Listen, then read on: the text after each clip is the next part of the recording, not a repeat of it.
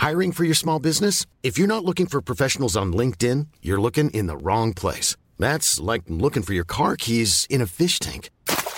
LinkedIn helps you hire professionals you can't find anywhere else, even those who aren't actively searching for a new job but might be open to the perfect role. In a given month, over 70% of LinkedIn users don't even visit other leading job sites. So start looking in the right place. With LinkedIn, you can hire professionals like a professional. Post your free job on linkedin.com slash spoken today. Hey, I'm Ryan Reynolds. Recently, I asked Mint Mobile's legal team if big wireless companies are allowed to raise prices due to inflation. They said yes. And then when I asked if raising prices technically violates those onerous two-year contracts, they said, what the f*** are you talking about, you insane Hollywood ass?" So to recap, we're cutting the price of Mint Unlimited from $30 a month to just $15 a month. Give it a try at mintmobile.com slash switch. $45 upfront for three months plus taxes and fees. Promo for new customers for limited time. Unlimited more than 40 gigabytes per month. Slows. Full terms at mintmobile.com. Now's the time to save 30% on wedding jewelry, only on BlueNile.com. Make sure your wedding ring is the one with your pick of diamond and lab grown diamond bands, all hand finished and graded for excellence. Or surprise her with something blue she'll love for life, like a stunning pair of sapphire earrings. Blue Nile's jewelry experts are available 24 7 to help, from fit questions to style advice. Right now, get up to 30% off at BlueNile.com. BlueNile.com. Om morgenen den 27. juni 1945 finner portnekonen i Røndegatan 42 på Gjerdet i Stockholm en ryggsekk og en reiseveske utenfor gårdens inngang. Noen timer senere blir en mann funnet død øverst i trappeoppgangen i boligblokken. Han er skutt i høyre tinning og ligger med pistolen i høyre hånd, fremdeles med fingeren på avtrekkeren, i en blodpøl foran døren til heisrommet. Politiet var raske med å utelukke rovmord, altså et mord begått for å stjele fra avdøde, men konkluderte etter hvert med at dette måtte være et selvmord. Den gang var det mange som mente at det svenske politiets konklusjon var feil, og fremdeles er det kontroverser rundt denne saken. Det skulle nemlig vise seg at den avdøde mannen var en kjent motstandsmann fra Norge som på uforklarlig vis hadde endt sine dager i en trappeoppgang i Stockholm. Dette er historien om Kai Holst.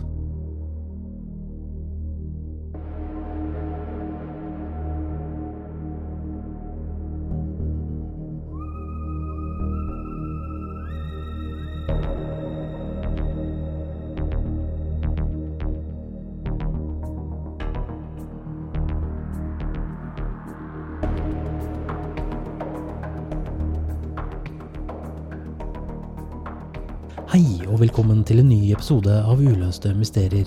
Jeg heter Morten, og i denne nyinnspilte episoden skal jeg fortelle om dødsfallet til en norsk motstandsmann som på mystisk vis endte opp død i Stockholm rett etter at krigen var over. Konklusjonen fra politiet, SEPO, dvs. Si sikkerhetspolitiet i Sverige, og Milorg var tydelige. Dette var et selvmord. Men det er en god del detaljer som kan peke i retningen av noe helt annet. Dette var ikke en lett sak å researche. Til tider kunne det nesten virke som om mannen aldri hadde eksistert, men heldigvis finnes det gode og pålitelige kilder som har bedre tilgang til materialer enn hva jeg klarte på den tiden hvor jeg undersøkte denne saken. Denne episoden er som nevnt en nyinnspilling, og opprinnelig kom den ut i desember 2022, men jeg har valgt å spille den inn på nytt i mars 24 for å matche dagens format. Følger du meg på Facebook og Instagram, kan du kommentere under bildene som legges ut i forbindelse med episoden, og følg meg også gjerne der hvor du hører på podkast. Da vil du få varsler hver gang jeg kommer med en ny episode, og jeg setter også veldig stor pris på om dere vil bedømme hver episode med stjerner på Spotify, Apple og andre steder. Gjerne fem stjerner, selvsagt, men jeg setter pris på alle tilbakemeldinger uansett. Og dersom dere ønsker å kommentere på episodene på Spotify, så vil jeg gjøre alle kommentarer synlige, positive som negative.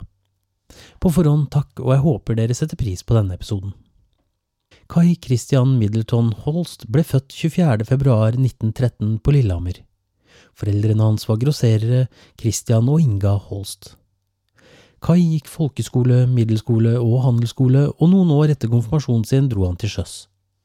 I 1933 sluttet han som sjømann og begynte å jobbe på en revefarm ved Lillehammer.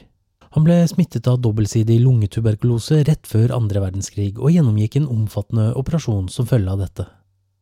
Dette førte til at han hadde svekket helse, men til tross for dette ble han tidlig med i Milorg, den norske motstandsbevegelsen, da han i 1941 ble rekruttert av svogeren sin. Han ble en av pionerene i Milorg og holdt seg skyggende i sitt arbeid mot den tyske okkupasjonsmakten. Han gikk alltid med en cyanidampull i lommen tilfelle Gestapo eller statspolitiet skulle få tak i han. Han visste rett og slett for mye om grunnmuren til motstandsbevegelsen og kunne ikke bli tatt til live under noen omstendigheter. Han fikk raskt rykte på seg for å være en tiltaksfull mann, og arbeidet blant annet som kurerer og etablerte Milorgs system for å skjule motstandsfolk og flyktninger som skulle fraktes til det nøytrale Sverige. Holst var så sentral at han ble sett på som den som lærte opp sjefen i Milorg, Jens Christian Hauge.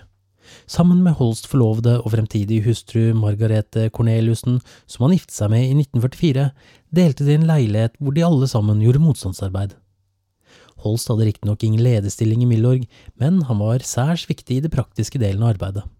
Han rekrutterte blant annet eh, oppfinneren og ingeniøren Bror Hvitt, oppfinneren av rottefellabindingen som ble våpenansvarlig for hele Milorg under dekknavnet Granat-Larsen. Holsts dekknavn var for øvrig Kaka. I 1942 klarte Gestapo å avsløre store deler av organisasjonen, og Kai Holst var plutselig den eneste i sentralledelsen som kjente alle kontaktene og som husket metodene de benyttet seg av. I NRK-dokumentaren om Holst sies det at i dette øyeblikket står og faller hele den norske motstandsbevegelsens fremtid på han, siden Milorg måtte gjenoppbygges og Holst var en av de få som hadde både oversikten og nettverket til at dette kunne skje. Holst og Hauge tar fatt på oppgaven, noe som var en svært krevende jobb. De omorganiserte strukturen i organisasjonen, og Holst ble ikke bare bindeleddet mellom gruppene innad i Milorg, men også leddet mellom selvstendige motstandsgrupper som for eksempel Oslogjengen ledet av Gunnar Sønsteby, Exus som var de alliertes etterretningsorganisasjon i Norge, Asbjørn Bryn som var ansatt i Norsk etterretning i Stockholm, også kalt Rettskontoret, og den kommunistiske Osvald-gruppen, eller Sunde-gruppen som de også var kjent som. Holst hadde også ansvaret for det farlige arbeidet å møte personer de mistenkte arbeidet for den tyske okkupasjonsmakten og tysk etterretning. Han satte sammen grupper som skulle stå for likvideringen av tyske agenter og norske kollaboratører, og jobbet stort sett kontinuerlig under dekke klar til å ta giftampullen dersom han skulle bli fanget, alt for ikke å avsløre det han visste, til Gestapos torturister. I 1943 kom Gestapo på sporet av ham, og han må flykte til Sverige. Etter å ha ligget lavt på en pelsfarm i Mesnali, ble han eskortert over grensen ved Svinesund av en grenselos. Han ble umiddelbart arrestert i Sverige og fortalte at han eh, hadde måttet flykte fra Norge fordi han hadde blitt oppdaget med en radio. Han forklarte så at han ikke hadde hatt tillatelse til å eie denne radioen og hadde blitt avslørt da han hadde lyttet til radiomeldinger fra London. Han sa ingenting om sitt arbeid i Milorg. Etter avhørene fra svensk politi kom han til Stockholm og ble ansatt ved den norske legasjonen hvor han arbeidet ved militærkontor nummer fire, eller MI4, som de er bedre kjent som. Hans arbeid gikk ut på å sørge for å skaffe forsyninger til den norske motstandsbevegelsen i Norge, og sørge for kurervirksomheten mellom Norge og Sverige. Deler av dette arbeidet var ulovlig i Sverige, og Kai Holst ble arrestert mer enn én gang, hvorpå han ble løslatt igjen like raskt med formaning om å ikke gjøre dette igjen, blant annet fordi han prøvde å organisere en kurerlinje ved Magnor, og i tillegg var han tungt involvert i illegal våpenhandel. På omtrent samme tid arbeidet Holst med den norske etterretningsagenten Finn Jacobsen med å forsyne britene med etterretning fra Norge uten at den norske legasjonen i Stockholm var informert, da britenes Secret Intelligence Service, eller SIS, ikke stolte på en eller flere som jobbet der. Hovedårsaken til dette var nok fordi de følte at legasjonen ikke hadde god nok kontroll på flyktningstrømmen fra Norge, og antok dermed at det fantes infiltratører blant disse. To år senere, bare kort tid etter frigjøringen, blir Kai Holst funnet skutt og drept i en trappeoppgang i Stockholm. Var det Gestapo-agenter som ikke klarte å innfinne seg med at krigen var over, som hadde tatt ham av dage også etter krigens slutt? Var det et ran som hadde gått fryktelig galt? Eller var det noe annet som hørte til en for mange ukjent skyggeverden som sto bak? Dette var bare noen av teoriene som dukket opp i kjølvannet av dødsfallet. Uken før dødsfallet hadde Holst tilbrakt tiden på Lillehammer med venner. Ingen av vennene hadde lagt merke til noe spesielt, men til en av dem hadde han fortalt at han måtte tilbake til Stockholm for å ordne opp i noe, og at noen kom til å bli bleke som følge av det han visste. Dette fortalte han under ett døgn før han ble funnet død. To Milorg-menn, Erik Myhre og Erling Mørk Hansson, ville reise til Sverige for å etterforske saken videre, men da de ba om tillatelse for å reise, fikk de en uventet beskjed fra deres overordnede. De ble nektet å reise over og fikk beskjed om at dersom de valgte å gjøre det, ville det koste dem livene deres. Overrasket spurte de om de kunne reise privat, svaret var da at de ikke ville komme tilbake til Oslo levende. Offiseren som sa dette, var den britiske majoren WD McRoberts i SES. Omtrent samtidig kom nyheten fra det svenske politiet med konklusjon om dødsfallet. Kai Holst hadde tatt sitt eget liv. En redegjørelse som ble offentliggjort av Milorg den 19. juli 1945, forklarte at av tuberkuloseoperasjonen kombinert med høyt arbeidspress under krigen, slet Holst seg ut i krigen mot fascisme og nazismen og kampen for Norges frigjøring. Familien, venner og flere kolleger fra Milorg var overbevist om at dette var feil. De mente at han ble myrdet. Noe som taler imot selvmord, var venners beskrivelse av Holst. Han var friskmeldt for tuberkulosen, var tilsynelatende en lykkelig mann som så fremtiden og freden med optimisme, og han var nygift og hadde mange planer for seg selv og sin kone. De som mente dette var selvmord, pekte på at krigsinnsatsen tok voldsomt på han. Han slet seg ut, og etter krigen ble freden en slags antiklimaks, hvor han så for seg et kjedelig liv i Norge, særlig siden han ikke fikk noen spesielle oppgaver etter den kritiske, viktige innsatsen for Milorg. Men det var noe som ikke stemte med påstanden om selvmord, og familien forsøkte derfor å vinne svar. Men familiemedlemmene på jakt etter sannheten fikk vite fra norske myndigheter at det å forfølge saken kunne være farlig. Ole Otto Paus, militærattaché i Stockholm på 50-tallet, som var gift med Holls søster og far til visesanger Ole Paus, forsøkte også å finne svar. Etter å ha pratet med folk om Holst fikk han den samme beskjeden som de to Milorg-mennene, nemlig om å holde seg unna, da dette var farlig område å begi seg inn på. Saken ble i Sverige hemmeligstemplet, og i Norge forsvant alle saksdokumenter om dødsfallet på mystisk vis. Saksdokumentene fra politiet i Sverige er blitt gjort tilgjengelig i ettertiden, dog har de vært vanskelig å få tak i. Men ut ifra vitneavhørene skrevet ned i dokumentene, kunne man til en viss grad kartlegge hvordan Holsts siste døgn utartet seg. Paul Romstad var sjåføren som kjørte Holst fra Norge til Stockholm den 26. juni. Han sa at selv om Holst virket trøtt under reisen, var han ikke nedfor eller deprimert. Romstad fikk vite at målet for reisen til Stockholm var å avvikle arbeidet sitt ved den norske legasjonen. Da de passerte grensen, tok Holst frem pistolen sin, og Romstad lurte på hva han drev med. Holst svarte noe kryptisk eh, om at det var sikrest slik. Romstad derimot følte seg noe utrygg med et ladd våpen i bilen sin, og ba han om å legge vekk pistolen, noe som også ble gjort. Vel fremme i Stockholm forlot Holst Romstad og tok en annen drosje videre dit han skulle. De avtalte at de skulle møtes igjen med den norske legasjonen dagen etter klokken ti, men Holst dukket aldri opp. Den svenske drosjesjåføren ble umiddelbart etterlyst, men han meldte seg ikke. Årsaken til dette er noe uviss, men til tross for dette fant man ut hvor Holst reiste, nemlig til Dukvegen 33. Noen uker tidligere skulle han ha flyttet inn hos ekteparet Alf og Fanny Gustavsen, kolleger ved den norske legasjonen som var bosatt på adressen. Fanny Viola Gustavsen fortalte i vitneavhør at hun ble vekket klokken tre om natten av at noen banket på et vindu. Hun sto opp og gikk for å se hvem det var. Utenfor så hun Holt stå ved siden av en drosje, og i baksetet satt en mann iført en lys regnfrakk. Ifølge Fanny ba Holst henne om å komme bort til bilen som om han ville vise henne noe, men hun ba ham vente til hun hadde fått kledd på seg noe mer, da hun kun var iført nattkjolen sin. Fem minutter senere kom hun ut igjen, men da var Holst og drosjen borte. Hun ventet en stund på trappen, men drosjen kom aldri tilbake. Reisen må deretter ha gått videre til Rindøgatan 42, hvor han senere ble funnet død. Hvorfor Holst reiste akkurat hit er uklart, men han ringte på hos Svante Holger Areson, som ifølge sin første vitneforklaring lå og sov på dette tidspunktet. Areson forklarte at han hørte mumling i andre enden av porttelefonen og slapp like greit inn hvem enn det var som ringte på. Han ventet litt mens han tittet ut gjennom dørkikkerten, la merke til at eisen gikk forbi, konkluderte med at noen hadde ringt på feil, og så gikk og la seg igjen, hvor han umiddelbart sovnet. Hittil sitter man igjen med en del spørsmål. Hva fikk Holst til å ta frem pistolen da det passerte grensen? Hva ville han egentlig med ekteparet Gustavsen? Og hvorfor reiste han til akkurat Rindugatan 42? Og sist, men ikke minst, hvem var personen i baksetet sammen med Holst? I toppen av trappeoppgangen fant de en lys regnfrakk hengende over rekkverket. I lommen lå passet til Holst. Han hadde fremdeles på seg en betydelig sum penger, 1200 svenske kroner og 1700 norske, noe som tilsvarer nesten 70 000 kroner i dag, og politiet kunne derfor utelukke ran og rovmord som bakgrunn for dødsfallet. Med pistolen fremdeles i høyre hånd og fingeren på avtrekkeren så det uten videre ut som et selvmord. Men det er detaljer i obduksjonsrapporten som taler imot dette. Ved et selvdrap hvor man skyter seg selv i tinningen, vil pistolen berøre huden, noe som kalles kontaktskudd. Siden en avfyring av en pistol vil avgi intens varme ut av eh, løpet, vil håret bli svidd av. Hårstråene på siden av hodet til Kai Holst var ikke svidd. Man vil også finne blodspor i pistolløpet, men i løpet på pistolen som var på åstedet, fant man ikke dette. En annen interessant detalj i obduksjonsrapporten er at dr. Kling, som obduserte Holst, ikke nevnte med ett eneste ord hvordan Kai Holst døde.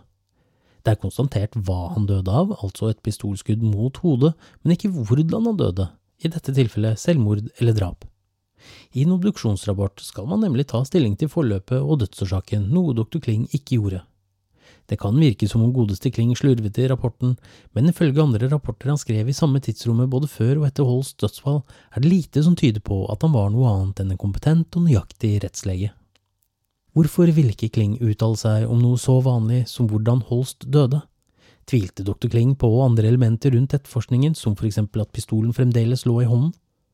Om man blir skutt i tinningen, vil kroppen umiddelbart bli helt slapp, og en man har i hånden, vil man slippe. I tillegg vil rekylen til våpenet, kombinert med at man mister all muskelkontroll, gjøre at man nærmest umulig vil kunne fremdeles ha pistolen liggende i hånden etter at den er avfyrt. Holsts pistol var en 9 mm Colt-modell fra Spania, et våpen som vil gi en forholdsvis kraftig rekyl. Nok en ting som man kan påpeke angående våpenet, er hånden den ble funnet i, altså høyrehånden. Kai Holst var nemlig keivhendt. Bildene fra obduksjonen viste også at Holst hadde overhudskrapninger på halsen, dvs. Si skader som er typiske som følge av vold. I den offisielle politirapporten ble det ikke nevnt at det ble sjekket for fingeravtrykk på pistolen, men i arkivene som man senere har fått tilgang til, har man avdekket at denne ble sjekket ut, og de fant et eneste fingeravtrykk på våpenet. Dette tilhørte ikke Kai Holst. Åstedet var ubegripelig dårlig dokumentert av politiet. Til å ha satt sine beste etterforskere på saken ble åstedet tilsynelatende så å si ikke beskrevet utover det faktum at Holst var funnet død og blodspor. Patronhylsen er ikke funnet, kulen ble funnet ved en tilfeldighet av portnikonen dagen etter, og det finnes ingen kjente bilder av åstedet selv om disse ble tatt, og dokumentasjonen var generelt langt under par. Det dukket også opp nye vitneavhør av blant annet Paul Romstad, sjåføren, som nå beskrev Holst som nærmest en gal og utilregnelig mann, noe som er i stikk i strid med det han beskrev i første avhør. Fra den norske legasjonen kom det frem at tuberkulosen kunne være en årsak til at Holst tok sitt liv. Faktisk så mente jeg at dette måtte være den mest sannsynlige forklaringen. Politirapporten ble dermed rett og slett skrevet på en måte for å sannsynliggjøre selvmord, til tross for at dette kun var nevnt ett eneste sted, på forsiden hvor det var skrevet suicidum, selvmord, signert av dr. Kling. Men hvorfor skulle dr. Kling skrive under på et politidokument? Dette var en høyst uvanlig praksis den gang. Kriminalteknikere har derfor i ettertid undersøkt dr. Klings underskrifter fra samme tidsperiode opp mot underskriften på rapporten. De konkluderte med at det ikke var hans underskrift, ergo har noen forfalsket underskriften hans på rapporten. Men hvorfor og hvem som har gjort dette, er enda en av de løse trådene i saken. Ifølge rapporter fra arkivet som man i nyere tid har fått tilgang til, kan man lese at to dager etter dødsfallet meldte drosjeføren seg, og man fikk dermed verdifullt innsyn i Kai Holsts siste tid i live. Drosjesjåføren eh, Carl Arthur Karlsson kjørte Holst til ekteparet Gustavsson på Riksby. På veien ble det ikke utvekslet noen ord mellom de to, men Karlsson hørte at Holst holdt på med et eller annet av metall i baksetet. Nøyaktig hva det var, vet han derimot ikke, men man kan i ettertid spekulere i om hvorvidt dette var pistolen han hadde tatt frem i bilen til Romstad. Ifølge Fanny Gustavsen satt det en mann i lys regnfrakk i baksetet på drosjen. Eh, sjåføren kan derimot si at eh, han ikke kjørte noen andre enn Kai Holst denne natten. Han observerte at det ble utvekslet eh, noen ord mellom Holst og Gustavsen, men han hørte ikke hva som ble sagt. Da hun gikk inn, satt Holst seg i bilen og sa de vil ikke ha meg her. Ifølge Ole Otto Paust fortalte Karlsson at Holst så vettskremt ut. Dermed satt man igjen med vitneforklaringer som motstridende og som tilsa at minst ett av vitnene valgte å lyve, men hvorfor? Kan det være så enkelt som at det var Holsts regnfrakk fru Gustavsen så i baksetet på drosjen, og at hun trodde at dette var en annen person? Regnfrakken var etter all sannsynlighet eh, Holsts egen, og i mørket kan fru Gustavsen ha tatt feil av hva det var hun faktisk så. Det vil i så fall forklare en manglende sammenheng, men ikke hvorfor Holst så redd ut og mente at han ikke var ønsket, noe som også motstrider fru Gustavsens vitnemål. Man kan i så fall spørre seg om hva slags motiv drosjesjåføren, som ikke kjente noen av de involverte, hadde for å lyve, samt hvorvidt Gustavsen kunne hatt et motiv for å tale usant. Reisen gikk videre til Rindøgatan 42, og her sluttet vitneforklaringen til sjåføren. Men en av beboerne i blokken kom etter hvert med en ny forklaring. Svante Holger Aresson gikk rundt i leiligheten sin i fjerde etasje. Han hadde lenge hjulpet til med å huse norske motstandsfolk som var i fare, og ventet denne kvelden på Kai Holst, som var en bekjent av han. Da porttelefonen ringte, gjenkjente han raskt Holsts stemme og åpnet for han. Hareson ventet eh, på at han skulle komme inn, men registrerte i stedet at heisen passerte etasjen han bodde i. Han hørte stemmer i oppgangen og plutselig et skudd, noe som skremte han. Denne informasjonen tyder dermed på at Kai Holst ikke var alene da han avgikk med døden, og Hareson var sikker i sin sak, noe han også delte med sin datter senere i livet. Kai Holst ble myrdet av en eller flere ukjente gjerningspersoner. Men et spørsmål står fremdeles ubesvart en dag i dag. Hvorfor ville noen ta Kai Holst av dage? En av teoriene tar oss til Holsts arbeid for Milorg i Sverige. Fra han flyktet fra Norge til Sverige i 1943, jobbet Holst som sagt ved Milorg-kontoret på den norske legasjonen i Stockholm. En av de viktige oppgavene han hadde, var å skaffe våpen og forsyninger til motstandsbevegelsen i Norge. I tillegg er det fortalt at han drev med kontraspionasje på jakt etter de egne rekker som hadde valgt å svikte motstandsarbeidet på forskjellige måter. På og rundt den norske legasjonen var det flere som forsøkte å svindle til seg penger fra Milorg, og Holst avslørte flere av dem. På denne måten kunne han ha skaffet seg fiender internt, fiender som etter krigen var hevngjerrige. Forsyningene gikk fra Stockholm til de hemmelige grensebasene og kurerrutene over grensen. Våpenforsyninger og etterretning gikk så derfra til Milorg i Norge. Etter krigen skulle disse basene legges ned og regnskapet gjøres opp, og den som hadde ansvaret for nedleggingen, var Kai Holst. Det var én base han hadde et spesielt fokus mot, Milorg-basen i Göteborg. Ifølge notater og rapporter fattet han mistanke til pengeutbetalinger og driften ved basen. Noe påfallende var det også at i tiden rundt freden dukket opp en rekke mystiske dødsfall akkurat her. En båt ved navn Neptun som fraktet forsyninger, våpen, agenter og etterretning, forsvant mindre enn én uke før freden, og med seg tok hun mannskapet på to. Den offentlige forklaringen var at båten og mannskapet hadde forsvunnet på havet, men det gikk tidlig rykter om at de hadde blitt drept. Sentralledelsen i Milorg var ikke interessert i å finne ut hva som hadde skjedd, tvert imot arbeidet de for å dysse ned saken. I ettertid har man funnet ut at fraktdokumentene var blitt manipulert, og at noen hadde ført dobbelt regnskap på lasten. Sjefen for mannskapet og ansvarlig for rutene fra Gøteborg, Einar Sørensen, undersøkte visstnok saken videre etter forsvinningen av Neptun.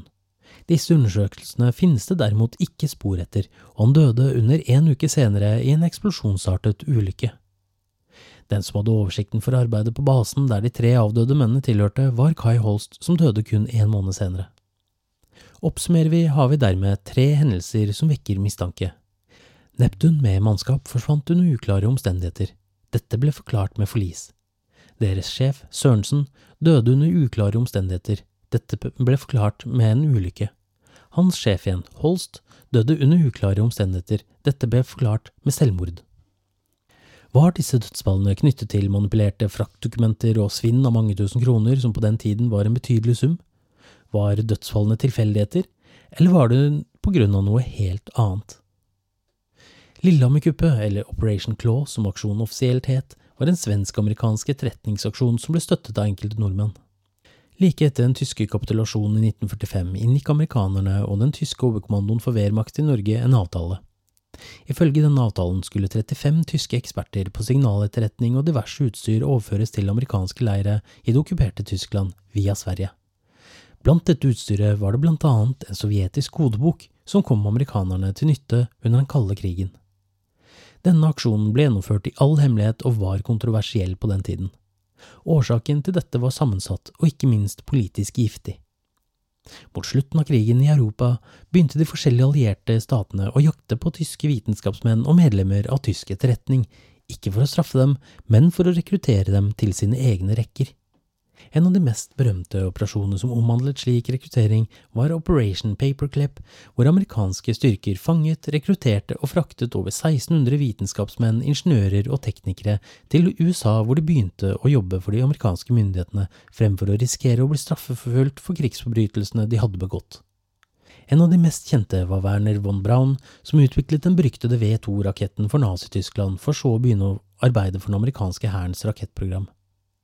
På 1950-tallet ble han satt til å jobbe for NASA og var hovedarkitekten bak Saturn V-raketten som bidro til at Apollo 11 kunne lande på månen i 1969. Til tross for hans arbeid for nazistene under annen verdenskrig blir han sett på som romfartens far, uten at jeg skal gå mer i detalj om han. Lillehammer-kuppet handlet derimot ikke om vitenskapsmenn og ingeniører, men eksperter på signaletterretning. Disse hadde arbeidet på østfronten mot sovjetiske styrker og hadde stor kunnskap om sovjetiske forhold, kunnskap de vestlige allierte og særlig amerikanerne ønsket å få innsyn i. Dette var trolig informasjon og kunnskap som kom til nytte under den kalde krigen. 9. og 10. mai 1945 dro representanter for den svenske etterretningsorganisasjonen C-byråen sammen med to norske etterretningsspesialister til Lillehammer. I samarbeid med den amerikanske etterretningsorganisasjonen OSS, Office of Strategic Services, og med støtte fra den norske legasjonen i Stockholm, fraktet de den tyske ekspertgruppen på 35 mann ut av fangeleiren og over til Sverige. Etter noen uker ble de fløyet fra Göteborg til en amerikansk leir ved Wiesbaden i Tyskland. Denne operasjonen ble styrt fra høystål, blant annet generalmajor William Joseph Donovan. Donovan var lederen for OSS og skulle etter hvert bli kjent som amerikansk etterretningsfar og CIAs far. Under krigen var han på en eller annen måte involvert i absolutt alle verdensdeler og slagmarker.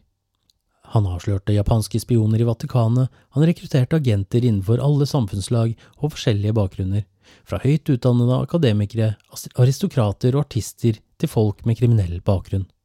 Han bidro til å utvikle og skape spionutstyr som man kanskje kun forbinder med James Bond-filmene. Mot slutten av krigen hadde han et så enormt nettverk av agenter som han sendte han informasjon om tyske troppebevegelser at han visste bedre hvor de tyske styrkene befant seg, og hvor store de var, enn hva tyskerne visste selv. Med andre ord, mannen som beordret Lillehammer-kuppet gjennomført, var ingen lettvekter i bransjen. Omtrent en måned senere kom en britisk aksjon med støtte av norsk personell til den samme leiren på Lillehammer for å finne Gestapo-folk og det man kan anta var 35 tyske eksperter på signaletterretning. Blant det norske personellet som bisto britene, var Kai Holst. De oppdaget at tyskerne var blitt hentet ut av amerikanerne og svenskene allerede i mai, og det var etter denne aksjonen at Holst dro rett tilbake til Stockholm for å avslutte arbeidet sitt ved den norske legasjonen, og hvor han dagen etter ankomst ble funnet skutt.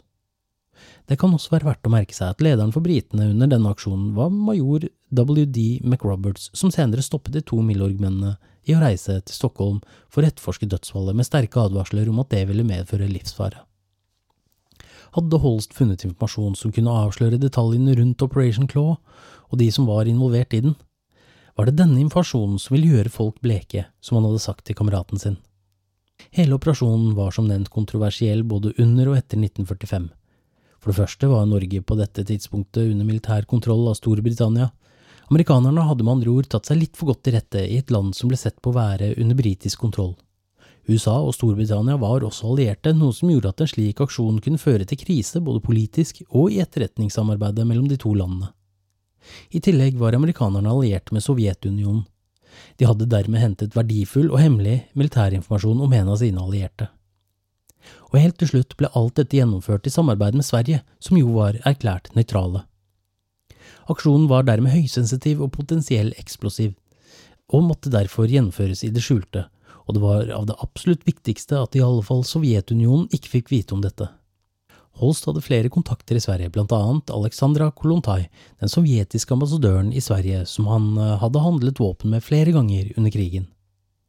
Kunne det ha vært disse kontaktene Holst hadde i Stockholm, kombinert med at han hadde arbeidet tett med britene under krigen, som skremte noen til å ikke se noen annen utvei enn å ta han av dage? For Sverige og C-byråen ble dette til slutt en giftig sak.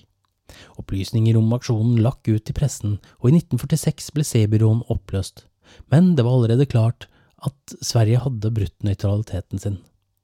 Var Holst død et ledd i opprydningen av Milorg-basen utenfor Göteborg, hvor flere andre med tilknytning til han døde? Eller var dette på grunn av informasjon Holst fant ut av på Lillehammer som kunne sette vestlig etterretning i fare, samt sette Sveriges nøytralitetserklæring i en veldig lei politisk klemme? Kunne det være at noen fryktet at Holst skulle avsløre hemmeligheten rundt Lillehammer-kuppet og de sovjetiske kodebøkene til sine russiske kontakter? Eller var det kanskje noe helt annet vi fremdeles ikke har fått innsikt i, men som dreier seg om internt anliggende? Da Holls familie forsøkte å grave i denne saken, ble de som nevnt tidligere advart mot å gjøre det, da det kunne være livsfarlig. To av de som kom med trusler om at det kunne koste dem livet å grave videre, var Olav Svendsen, som var tidligere sjef for rettskontoret, Norges etterretningsorganisasjon i Sverige, og general Ole Berg, som ledet militærkontorene MI2 og MI4, begge ved den norske legasjonen i Stockholm. Flere har i ettertid kommet med teorier om at det må ha vært et samarbeid mellom rettskontoret og C-byråen, og at ordren om å ta Holst og dage kom fra høyt oppe i Milorg. Dette er informasjon som har kommet fra annet Odd Feit, en norsk motstandsmann, og Ingvar Bergstrøm, en ansatt i C-byråen. Hvorfor Kai Holst i så fall måtte dø dersom han utelukker selvmord, er fremdeles et mysterium. Selv om det svenske politiet raskt konkluderte med at dette var selvmord, er det tross alt mye som tyder på noe annet.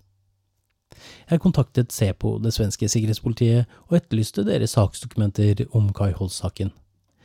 Svaret jeg fikk, var at disse dokumentene ikke eksisterte, og jeg ble bedt om å kontakte Riksarkivet i stedet. Også hos Riksarkivet fikk jeg negativt svar. Dette til tross for at disse dokumentene sist ble sett på i 1995 av justisminister Grete Faremos delegasjon og historiker Trond Berg. Det de fikk se var riktignok ikke dokumenter som direkte omhandlet Holst, men visstnok dokumenter hvor Holst ble nevnt i forbindelse med hans eget dødsfall. Professor og historiker Tore Pryser, som har etterforsket saken i ettertid, mener at alt tyder på at disse dokumentene må være makulert, da på alltid gikk ned på detaljnivå i slike tilsvarende saker og det faktum at vitneutsagnene om hans bevegelser i Stockholm dagen han døde finnes i tre andre personers saksmapper, tyder på at Holst sin mappe av en eller annen mystisk grunn er fjernet. Hvorvidt dette var eller er vanlig praksis hos SEPO å makulere saksmapper som kan true rikets sikkerhet eller i saker de anser som uviktige, vet jeg ikke, men hvis vi ser på dette i sammenheng med de mange og forholdsvis tunge indisiene rundt Holst-saken, kan man fort la fantasien løpe litt løpsk. Helt til slutt skal jeg oppsummere alle de løse trådene i denne saken. Holst hadde oppdaget noe, men fortalte aldri hva. Flere personer knyttet til basen i Göteborg døde i samme tidsrom under mystiske omstendigheter. Flere som ønsket å utforske saken, ble bedt om å holde seg unna og fikk til og med det vi trygt kan kalle dødstrusler. Holst var keivhendt, men pistolen ble funnet i hans høyre hånd. Pistolen var fremdeles også i hånden hans, noe som kanskje ikke vil være helt umulig, men svært usannsynlig. Noen forfalsket underskriften til rettsmedisineren dr. Kling slik at det så ut som om han hadde konkludert med selvmord. Vitnene lyver. Gustavsens forklaring passer ikke med taxisjåførens, Romstad endret forklaring til det stikk motsatte, og Areson mente først at han ikke ante hvem dette kunne være, til tross for at han og Holst kjente hverandre, visstnok på grunn av frykt for eget liv og sikkerhet. Og til slutt har man både Holsts eh, kommunistiske kontakter, hans samarbeid med britene og det faktum at han visste om Lillehammer-kuppet og Operation Claw, samt en potensiell politisk krise som man kan pakke det hele inn i. Kai Christian Middleton Holst mottok aldri noen utmerkelser av norske myndigheter for innsatsen han gjorde under krigen, selv om dette ble innstilt allerede i januar 1946. Men han ble den 24. juni 1950 post mortem hedret av George 6. av Storbritannia for brave conduct. Dette er en utmerkelse britene ga for modige handlinger utført med fare for eget liv utenfor direkte strid eller i fredstid. Hvorfor denne utmerkelsen ble gitt, er det stilt spørsmål om, da Holst aldri offisielt arbeidet for britene, men professor Pryser har lagt frem en hypotese om at Holst, i tillegg til å arbeide for Milorg, også var i britisk tjeneste for SIS, og at han ble drept på oppdrag for å samle inn bevis for norsk, svensk og amerikansk samarbeid under Operation Claw som han skulle gi videre til britene. Kai Holst ble stedt til hvile på Vestre Gravlund i Oslo. Gravstenen hans er enkel og har kun navn, fødselsdato og datoen han døde inngravert. Kai Holst var en viktig motstandsmann under krigen som burde anerkjennes i større grad enn hva han er blitt. Om vi noensinne får et svar på hva som egentlig skjedde i Rindugatan 42 den 27.6.1945 er tvilsomt, men ikke en umulighet.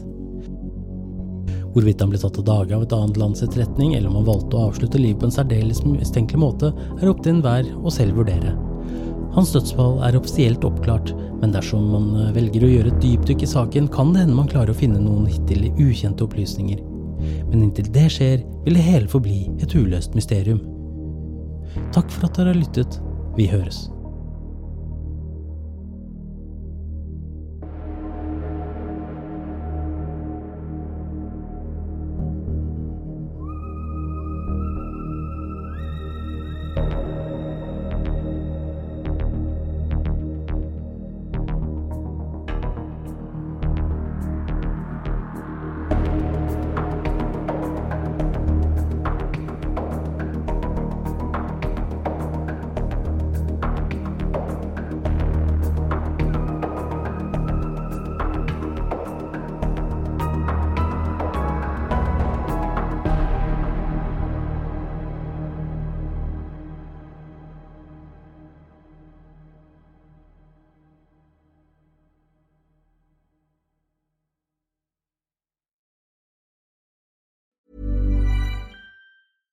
Hello, this is Danny Pellegrino, host of the Everything Iconic podcast, and I'm here to tell you all about Splash Refresher because hydration is mandatory, but boring is not. Now, I love my water, but if I don't spice it up, I'm not going to finish what I took out of the fridge. That's why I love my Splash Refresher, which is flavorful, delicious, bright, hydrating, and zero calories. The wild berry flavor is my fave. No, wait, is the pineapple mango flavor my fave? You know what? All five craveable Splash Refresher flavors are my fave because they're so delicious. So get hydrated and enjoy it with Splash Refresher. ACAST powers the world's best podcasts. Here's a show that we recommend.